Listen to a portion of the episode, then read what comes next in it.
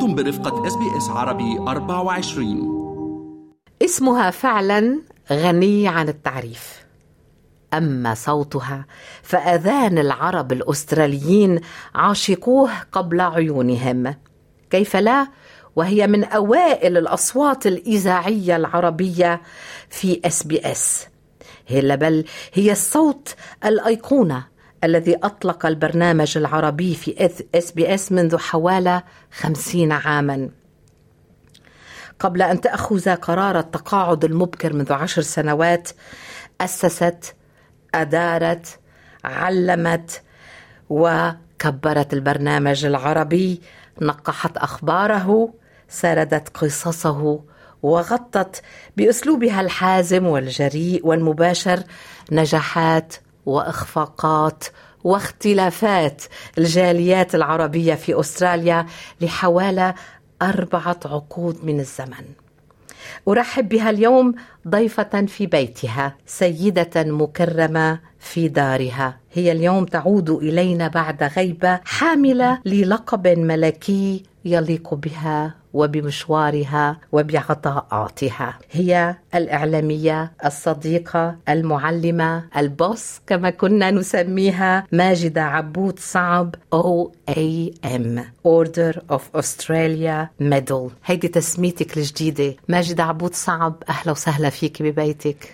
أهلا فيكي سيلفا وبالفعل يعني أنا آه لما شفتك هيك تذكرت أيام قضيناها بهالإذاعة ونحن عم نجاهد سوا ونركض لنقدم برامج with passion. ونحن عنا طموح إنه هالإذاعة تكبر. شكرا على هالمقدمة الحلوة. أنا بدي أشكرك ويا ريت تشاركيني بمشاعرك. أنت يمكن فيني أقول أكثر من نصف عمرك مضيتيه بهذا المبنى. بهالمدرسة. بتذكر أنا وقت انضميت كنت أنت مديرتي لهالفريق. قلتي لي ال SBS مدرسة منا إذاعة. شو شعرتي لما فتي لما فتي على الاستوديو؟ رجعت لي ذكريات حلوة. ذكريات لما كنا نعمل برامج توك باك لما استضفت شخصيات عربية مهمة. تاريخ الجالية وتاريخ المنطقة العربية والشرق الأوسط حسيت إنه كان جزء من تغطية. اللي قدمناه لهالجالية. أعطانا المجال أنه نقدر نمزج بين الهويتين الأصلية الأم من لبنان والهوية الأسترالية. بعد هالعمر من العطاء آه، وهالاندفاع بعملك بدأت بكير أنت بالعمل الإعلامي؟ يعني أنت مثل ما قلنا كنت يعني صبية صغيرة وقت بلشتي مع ال SBS وكبرتي البرنامج العربي وتقاعدتي كمان على بكير. هل تقاعدتي بكير؟ هل كان بعد عندها ماجدة أكثر تتعطي للإعلام خلال هال 38 سنة جربت ركز على تغيير على التطور. فكر خارج الصندوق. كيف بدنا نمد هال هالنفقات الصغيرة اللي عم يحطوها على البرنامج؟ كيف بدنا نجعل منها صورة تقدر نصارع فيها القضايا اللي بتواجه الجالية العربية ونساعد الجالية؟ تنظر لذاتها. تنظر للعادات والتقاليد والبعض منها اللي كان ما بيلائم بقى تطورها. وشو بتاخد من المجتمع الأسترالي؟ بدي منك ولأنه قصة. تفتخري فيها بهالمشوار خاصة انت انه انت قدرتي البرنامج فينا نقول longest serving بال SBS لمدة أطول مدة كمديرة برنامج كبير يعتبر البرنامج العربي من أكبر البرامج. فأعطيني هيك قصة بتفتخري للحقيقة فيها يا ماجدة. والله في قصص كتير بفتخر فيها. من القضايا المهمة تغطية آه، اختطاف مسؤول أسترالي اسمه داغلاس وود يعني كان ال breaking news من استوديو آه، متواضع بآرتارمن قدرت أوصل للشيخ تاج الدين الهلالي اللي كان عم يتفاوض مع المختطفين لحتى يطلقوا سراحه. وكانوا معتقدين بأستراليا إنه توفى إنه مات أو قتل. فأول شيء اكتشفت إنه بعده حي. وكان في اتصالات على مدى شي شهر. هالتغطية اللي قدمتها عن داغلاس وود انتهت بإنه 278 وسيلة إعلامية بأستراليا والخارج غطت القصص اللي نتجت عن هالقصة هيدي. وفي شغلة بس بدي أقول لك إياها إنه كيف انتهت هالقصة هاي. بتذكر أنا آخر يوم قبل إطلاق سراح وكنت عم بتمشى بحد بيتي وبتتصلي فيي أنت بتقولي لي ماجدة أطلقوا سراح داغلاس وود. ضليت أركض من الشارع اللي كنت عم بمشي فيه على البيت. بدك تسبقي الخبر. بالسيارة. جيت على ال SBS وتلفنت لكوانغلو قلت له please بحاجة نعمل breaking news مع بغداد نحكي مع الشيخ تاج لحتى لحتى نأكد أو ننفي خبر الخبر. إطلاق سراحه. فوصلت على الاذاعه كان في برنامج يبث بغير اللغة العربية. وقف البرنامج. طلعت أنا على الهواء مباشرة.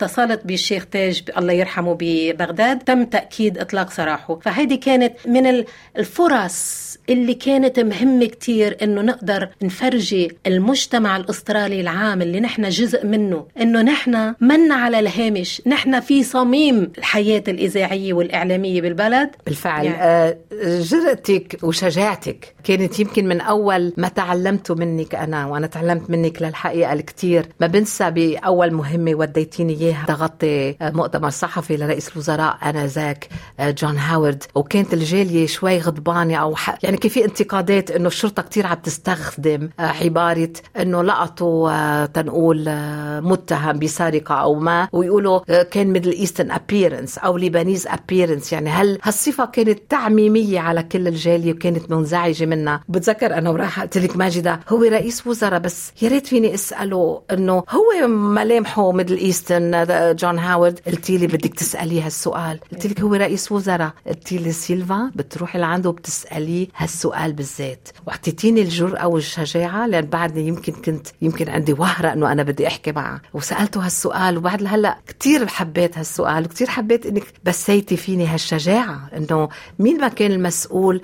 إذا السؤال فيه حق ومحق إنه نروح ونسأل وبشكرك عليها هيدي. بالفعل يعني كنت أنت من ال- المواهب اللي بفتخر إنه دخلتي على البرنامج. قدمتي شغلات حلوة كتير ويمكن صارعنا شوي لحتى أخذناكي على البرنامج من مكان ما كنتي هل برأيك بنقدر نرضي كل الناس ماجدة؟ وأنت يعني أكثر من يعرف الجالية قد أحيانا منقسمة على ذاتها. كنت ترضي تقدري ترضي ابدا. الكل على مدى السنوات ما رضيت كل الناس ولا حاولت أرضي كل الناس. رضيت ضميري رضيت أخلاقيات الصحافة تبعت الجرأة. حتى الناس اللي اختلفت أنا وياهم على مدى السنوات بعتبر إنه احترموا إنه أنا باخذ عملي بشكل سيريس بشكل جدي وبيعرفوا إنه بمصداقية. يعني أيام يعجبهم اللي قدمنا لهم إياه إيه. وأيام ما يعجبهم اللي ما كيف إياه. تتعاطي يعني مع مثلا اللي ما يعجبهم؟ اللي ما يعجبهم. الانتقاد وأنت عارفة إنه منه صحيح. مثلا يوم ما يعجبهم بس يوم تاني يعجبهم. لأنه غطينا الرأي والرأي, والرأي الآخر, الآخر. والتنوع بالآراء. ولقوا إنه هيدي طريقة مهمة وصحية بالمجتمع الأسترالي.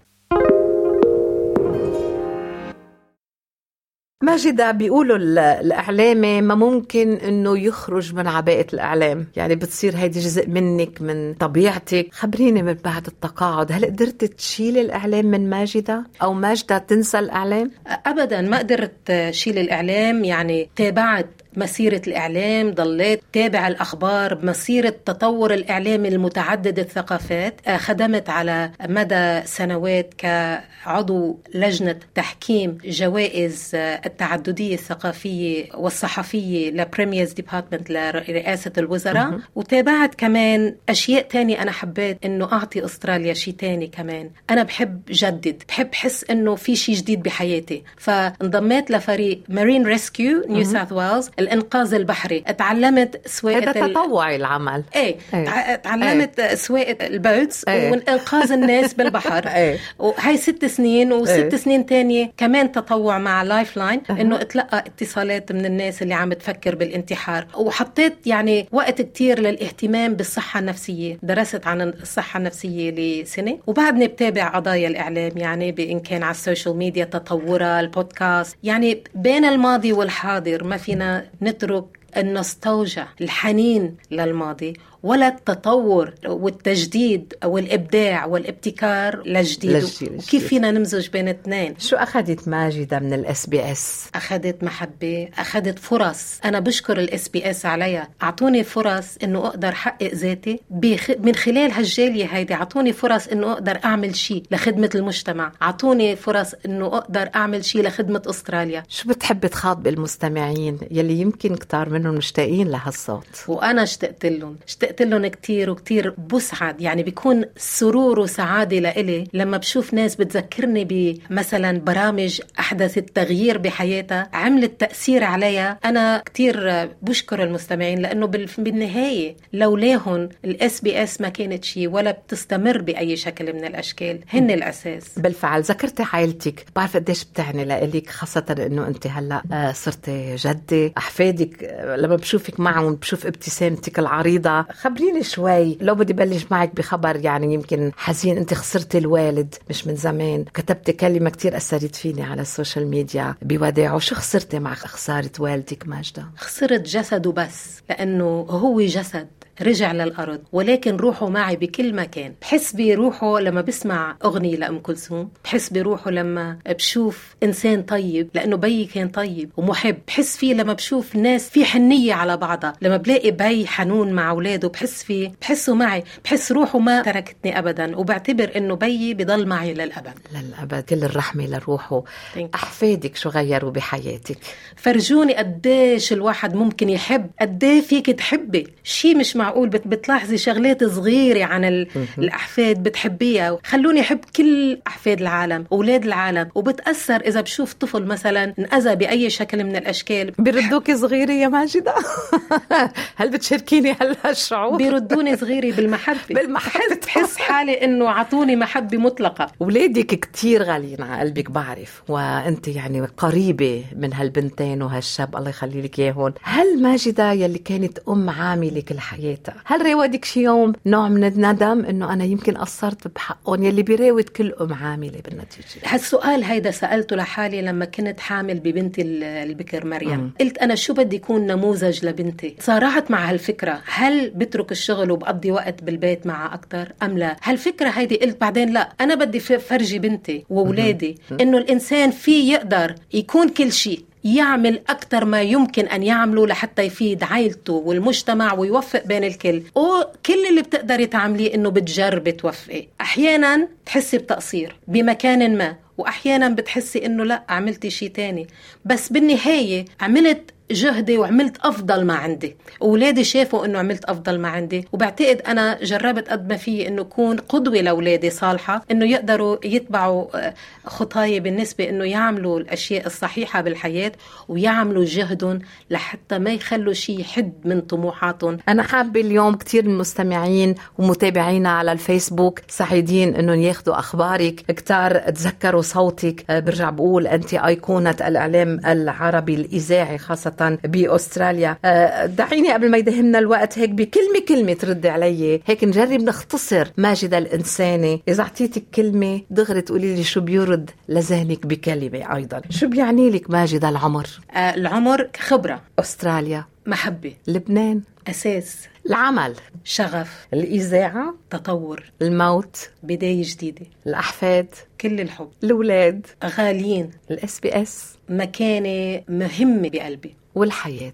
مشوار. يعني أنا ما بعرف كيف بدي أختم اللقاء أمام سيدة الميكروفون. شو بتحبي ننهي؟ شو بتحبي تقولي؟ كيف ماجدة اليوم بدها تخبرنا؟ أول شيء برجع بكرر تهانية للتكريم يلي حصلت عليه هال OAM يلي رح هالميدالية يلي حصلت عليها. شو رح تضيف لماجدة؟ كيف ماجدة بتحب تنهي هاللقاء؟ هالميدالية اعتبرتها أنه تقدير حكومي رسمي لإلي وللجهود اللي قدمتها بمجال الإعلام المتعدد الثقافي. الثقافات واللغات وبعتبره كمان تكريم للجالية وإقرار للجالية بأنه هي جديرة بأن تحصل على خدمات ممولة من قبل الحكومة لما ساعدتهم على أنه يقدروا يساهموا بالقرار السياسي بالمجتمع الأسترالي لأنه أستراليا هي بلدنا ويا ريت بنقدر نصدر من أستراليا تعايش السلمي اللي نحن بنعيشه هون ويا ريت يوما ما نقدر بنشوف الشرق الأوسط والعالم أنه يعيشوا بسلام وأمان لأنه الاستثمار بالسلام والأمان مجدي أكثر بكتير اقتصاديا وإنسانيا من الاستثمار بالسلاح وقتل البشر. أنا بدي أشكرك لوقتك. ألف مبروك التكريم. يليق بك الإعلامية ماجدة عبود صعب. كانت معكم سيلفا مزهر. بهذا اللقاء مع